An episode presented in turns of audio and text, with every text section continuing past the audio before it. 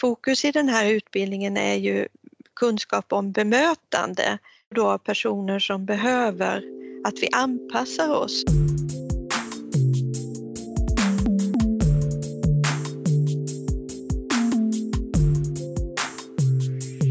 Hej och välkommen till det femtionde avsnittet av FoU-podden. I det här avsnittet kommer vi att prata om en ny e-utbildning om personcentrerat bemötande. Jag som gör podden heter Lena Stenbrink och är kommunikatör på FoU Sörmland. Eh, med mig i podden, den här gången via Teams, har jag Eva-Charlotte Berntsson, Victoria Sigtrycksdottir, Stina Tönning, Kristina Boström och Marie Wallin. Varmt välkomna! Skulle ni kunna presentera er lite noggrannare vilka ni är och varför ni är med just den här podden? Ja, jag heter Eva-Charlotte Berntsson och är projektledare för det här arbetet som har mynnat ut i den här e-utbildningen som heter personcentrerat bemötande av personer med fysisk eller psykisk funktionsnedsättning. Jag arbetar i Region Sörmland eh, i eh, division psykiatri och funktionshinder där jag har en projektledarroll eh, med fokus på funktionsrättsfrågor. Jag heter Kristina Boström, eh, jobbar som biträdande verksamhetschef på psykiatriska kliniken i Eskilstuna. Jobbar även som eh, verksamhetsutvecklare. Jag har varit med i det här arbetet dels i arbetsgruppen och dels i projektgruppen. Jag kan fortsätta. Jag heter Stina Tönning, eh, jobbar i Eskilstuna kommun på område funktionshinder som kvalitetssäkringssamordnare. Jag fick förmånen i höstas att få komma med i den här arbetsgruppen som har hjälpt till att utveckla utbildningen så att den ska bli lite bredare. Ehm, Victoria Sitriksdottir, eh, ledningsstöd i Vingåkers kommun inom socialförvaltningen och jag är med i referensgruppen med kommunperspektiv för att utveckla den här bemötandeutbildningen. Hejsan, jag heter Marie Wallin och jag jobbar som utvecklingsledare på FoU i Sörmland.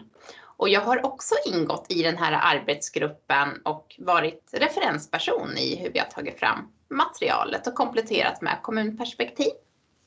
Då kanske vi ska gå direkt på att prata om själva EU-utbildningen. Eh, kan ni berätta lite om vad den innehåller och vad den bygger på för material?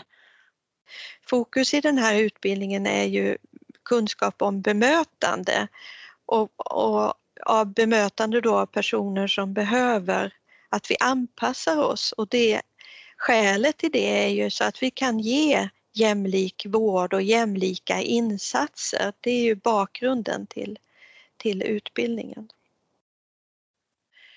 Och upplägget i utbildningen handlar då om att ge kunskap om olika förutsättningar.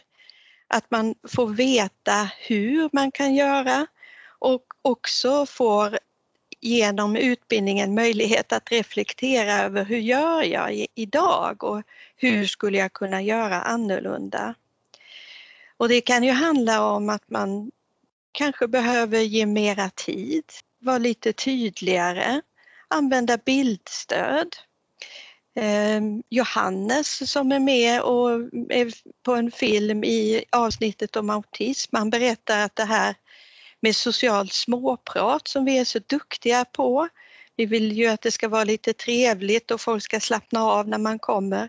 Men det kan störa väldigt mycket för man är inte där för det som Johannes uttrycker det utan man är ju där för kanske att möta sin handläggare eller att man ska möta sin doktor eller någonting. Så att praktiska tips, kunskap och praktiska tips och reflektionsövningar in, in, innehåller det här. Och eh, vad det bygger på för material, dels så finns det berättelser med från personer som berättar hur de vill ha det, hur de vill bli bemötta. Eh, och så är det lite fakta och eh, den första eh, delen av nio kommer att släppas den 16 februari och eh, sen kommer det är ett avsnitt om autism och om närstående och intellektuell funktionsnedsättning. De tre kommer att lanseras samtidigt, troligen någon gång i april. Och så före sommaren tänker vi att vi ska kunna lansera ett avsnitt om ångest, psykos och självskadebeteende. Och så har vi syn och hörselnedsättning som vi tror kommer efter sommaren. Vi jobbar på hela tiden med innehållet. Hur lång tid tar varje modul att genomföra? De tar mellan 15 till 25 minuter att genomföra. Och var kommer man att hitta dem? Om du är medarbetare som jobbar i kommunen så kommer du hitta dem på FoU i Sörmland. Och då går man in på någonting som heter kunskapsportal och e-utbildning.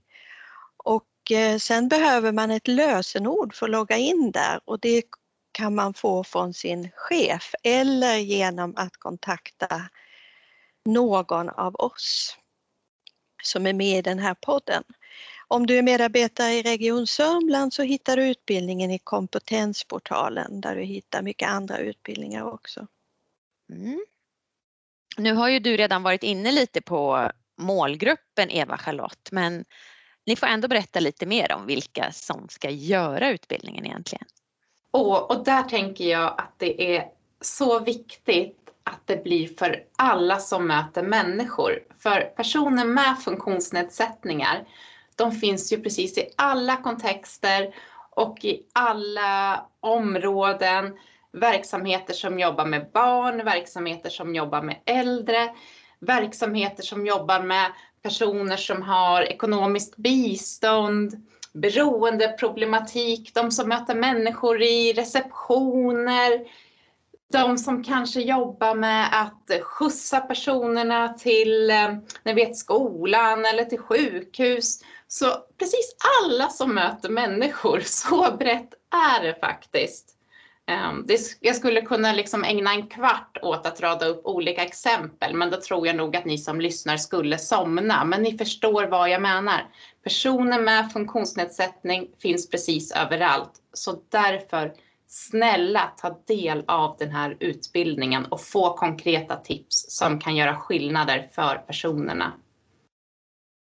Jag håller med dig Marie, ehm, för det är ju verkligen så att mycket av funktionsnedsättningar är ju dolda och man förstår inte alltid att andra har en problematik. Så det gäller ju att ha en förståelse och att sprida den här kunskapen om bemötande. Eh, jag tänker den här utbildningen är ganska riktad till de som inte behöver ha någon förkunskap och är väldigt enkel att ta till sig. Eh, men det handlar egentligen om att, eh, att finnas där och fånga upp om man ser att att någon har, ja, alltså jag tänker man kanske ser skrapsår, självskadebeteende, saker som vanliga, man i vanliga fall kanske inte uppfattar, men att man kan någonstans lyckas fånga upp någon, ett samtal, att hänvisa dem vart man kan få hjälp eller vilka saker man kan göra. Så små saker som kan leda till stora förändringar för vissa människor som har svårigheter. Det är så viktigt. Om vi tänker rent konkret, hur kan man använda utbildningen på en arbetsplats eller inom en verksamhet? Så har vi diskuterat inom psykiatriska kliniken att vi vill gärna använda den som ett utbildningsmaterial för våra personalgrupper. Eh, på ett APT till exempel eller andra tillfällen. Vi vill använda det för reflektion. Vi, många av eh, eh, de här sektionerna i utbildningen är ju riktad mot, eller för snarare ska jag säga, personer med psykiska funktionshinder. Och man kan tycka att vi inom verksamheten som har det som målgrupp är väldigt duktiga på det, men vi behöver påminna oss om många gånger. Eh, blickar, gester, kroppsspråk, hur vi säger saker. Jätteviktigt för att skapa en trygg vårdmiljö. Kunskap föder trygghet både för patienter och för personal i miljöer där det annars kan vara väldigt skrämmande. Och då tänker jag inte bara inom psykiatriska kliniken utan inom alla Eh, vårdmiljöer. Vi vill ju att våra patienter, så att säga, patienterna i våra målgrupper ska få en bra och jämlik vård även om de är inom somatisk vård till exempel. Och är då personalen trygg i sitt bemötande så blir, underlättar det för vården och för patienten. Det jag tänker utifrån ett kommunanställds perspektiv är ju att, precis som ni andra har varit inne på, att vi möter så otroligt mycket människor i vårt jobb eh, och vi har ett ansvar för att våra kommuninvånare ska må bra och få ett bra bemötande. Och därför är det så otroligt viktigt att kunna få möjlighet att gå den här utbildningen utifrån att få lära sig lite mer och få, få lite bra redskap i att hur kan jag tänka och vad kan jag göra om jag möter någon där det liksom inte riktigt funkar. Eh, och hur kan jag då försöka anpassa mig så att det ska bli så bra som möjligt i det här mötet. Sen tror jag, Eva-Charlotte, du får rätta mig om jag minns fel, men vi har ju också pratat om att det ska kunna finnas lite mer arbetsmaterial att kunna fördjupa sig i om man vill också som man kan ha med sig på APT och sådär. Eh, som jag tänker att inom våra verksamheter också att det kan vara bra att ta del av tillsammans som arbetsgrupp. Precis, det stämmer ju Stina det du säger att det finns ju ett, ett diskussionsmaterial som man tillsammans reflekterar. För jag tror att man lär sig mycket genom att prata och dela erfarenheter med varandra. Jag tycker det är jättespännande och som projektledare att få följa det här och höra hur man berättar hur man vill använda utbildningen och vilket behov man ser. En del tänker ju använda det till nyanställda för introduktion. Andra har bestämt till exempel i regionen, tandvård och primärvård, att det här ska vara en obligatorisk utbildning. Det är ju sånt som varje verksamhet på något sätt behöver bestämma själv eh, eller får bestämma själv. Så att eh, det, där får man ju liksom se vad, vad har vi för nytta av det här. Men jag tror absolut att den PR ni har gjort för utbildningen här just för att vi ska kunna göra bättre för våra invånare och nå till mer jämlik vård och jämlika insatser som ju är ett viktigt mål med den här utbildningen. Det, då behöver den ju verkligen spridas. Eh, någon här nämnde, för, för det är ju många målgrupper, de, man kan tänka att det är de som har direkta möten med patienten men det indirekta mötet när man kommer till kontaktcenter eller någonstans är ju väl så viktigt för det, det är ju där resan börjar när man kanske sen ska möta någon annan, en handläggare eller en sjuksköterska eller en sjukgymnast eller fysioterapeut heter det, eller så. Och sen tänkte jag på när du sa Marie att även de som skjutsar barnen till skolan, det finns ju några som vi gärna vill nå ut med utbildningen till som inte jobbar i kommunen eller som inte jobbar i regionen men som har en viktig, viktig del i att individerna kommer till vården, till exempel sjuktransporter eller färdtjänst. Men vi har också gode män och där tänker vi ju kontakta oss, vi kommer gärna ut och, och ger er lite mera kunskap kring det här också och låter er få ta del av delar av den här utbildningen även om ni inte kanske har en direktinloggning så, så vill vi gärna sprida och märker ni som lyssnar på den här podden att det finns flera ställen som man skulle behöva mer utbildning så hör av er. Vi hjälper gärna till att sprida utbildning i bemötande. Det är så viktigt för att kunna ge jämlika för, förutsättningar för de här personerna att ha ett bra liv. Ja, jag kan bara hålla med. Det, det är en sån viktig utbildning och så viktigt att få kunskap om vad jag som medarbetare, färdtjänstchaufför eller god man kanske till och med om man får tänka vitt och brett tänker om personer som jobbar i köpcentrum, affärer, alla som möter människor. Nu har jag stora visioner här som inte är bestämt. Men liksom om alla som möter människor eller på olika sätt har ett budgetansvar, politiker, har mera kunskap om vikten av bemötande för personer med funktionsnedsättning så tror jag att samhället skulle kunna bli så mycket mer inkluderande och tillgängligt.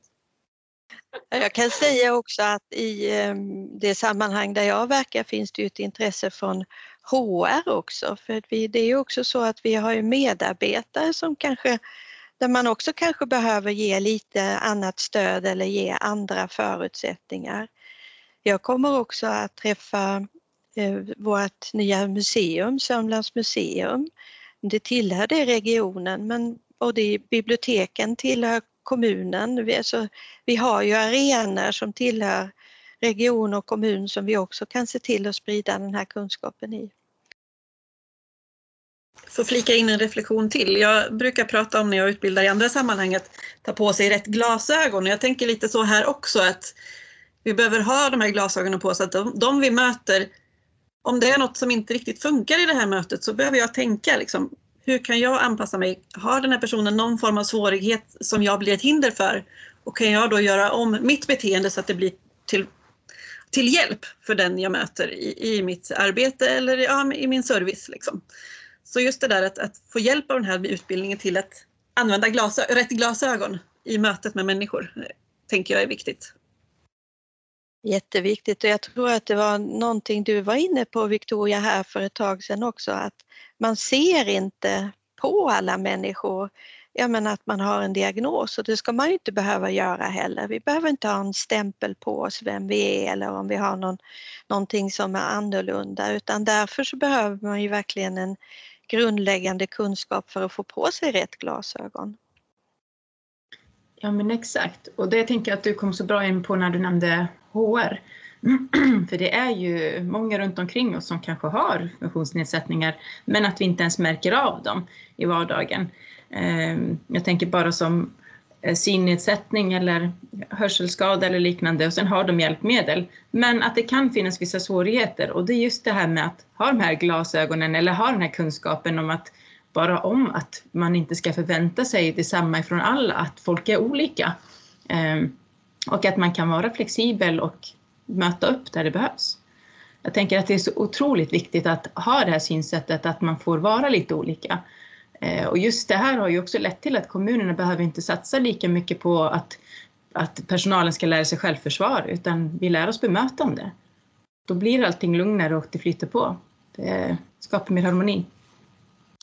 Om jag får inflika här då så tänker jag också det här med kunskap. Många gånger tänker man ja men vanligt bondförnuft, liksom, så hur vill jag bli bemött? Ja, men hur jag vill bli bemött det handlar ju inte bara om mig. Vi är ju olika. Har jag till exempel någon form av autism, ja då behöver jag en väldigt tydlig och rak kommunikation. Medan jag när jag pratar med folk, eller jag vill gärna kunna brodera ut orden lite grann, men det passar inte i det sammanhanget. Och utan den kunskapen så blir det ju lätt lite tokigt. Så, så att jag tänker absolut behöver man få ta del av kunskapen i utbildningen. Men vi ska också ta upp precis det ni har varit inne på, att den också är jättebra att ta del av om man jobbar inom funktionshinderverksamheter och socialpsykiatri. För man behöver alla ha en gemensam kunskapsbas och en kunskapsgrund och det här behöver man fylla på och se till att den kunskapen finns kvar. Så den är bra för alla som en grund. Eh, men kan ni berätta lite hur själva processen har gått till när ni har tagit fram utbildningen? Ja, man kan säga bakomliggande till den här processen, eh, att vi, det här blev ett projekt, det var ju att vi såg att, att personer som kanske hade en psykiatridiagnos eller en funktionsnedsättning hade svårt att få tillgång till vård. Eh, själva projektet startade ju i regionen först och vi såg verkligen att det fanns ett behov av att göra någonting, att öka kunskapen kring hur man ska bemöta, hur man ska tolka symptom och, och så. Sen så blev det ju superbra när kommunen kom med också. och Det blev ju ett beslut förra våren så jag tror vi hade en arbetsgrupp eh, i juni före sommaren och sen så har vi ju jobbat på faktiskt och träffats för att jobba med materialet. Det fanns ju en del som var framtaget i det regionsamarbetet som vi hade men för att bredda det och jag tänker det att det har blivit jättebra för det är ju för invånarna, inte bara den lilla stunden man är patient utan det handlar ju om att försöka hjälpa till att få ett bra liv. Eh, och det som har varit bra i det här projektet men också lite som har sugit för mig det är att det har tagit lång tid. Mm, men i och med att vi har hållit på så länge så är det ju väldigt många som känner till det. Det är många som har blivit inblandade. Jag startade ju med, med eh, intressentgrupper för att höra vad fanns det för behov. Och redan där skapar man ju nyfikenhet för att det skulle bli någonting av det. Så det har funnits intressentgrupper, sen har det ju funnits arbetsgrupper. Eh, minst, eh, minst 10-12 olika arbetsgrupper utifrån olika områden och sen har kommunen varit med i alla de här modulerna medan arbetsgrupperna från början kanske har bestått av några som har varit extra kunniga inom ett område. Men sen har vi ju också haft med invånare, alltså personer med egen erfarenhet av psykiatri eller funktionsnedsättning, fysisk eller psykisk funktionsnedsättning eh, som har dels eh, har vi spelat in lite filmer med några personer och dels har de varit med och påverkat innehållet. Så om vi säger att det har varit cirka 50 aktiva i att jobba med innehållet så har vi haft en, en tio sörmlänningar som har hjälpt till utifrån perspektivet erfarenhet av de 50 och sen har vi använt oss av mycket filmer och material där andra personer har berättat hur de vill ha det. När man sitter i rullstol eller när man har autism eller andra saker.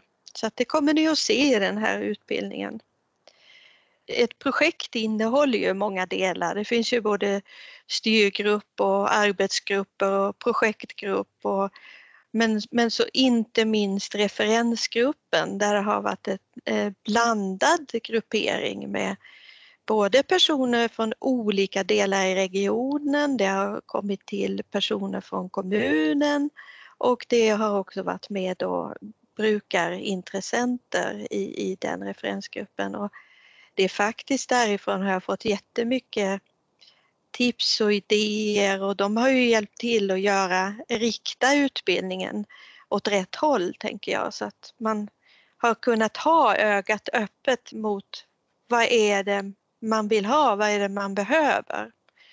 Det har ju känts väldigt bra.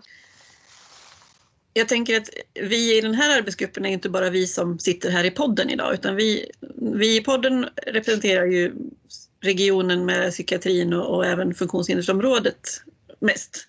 Men vi har ju haft i arbetsgruppen personer från socialtjänsten som har synen skol, skolvärlden också.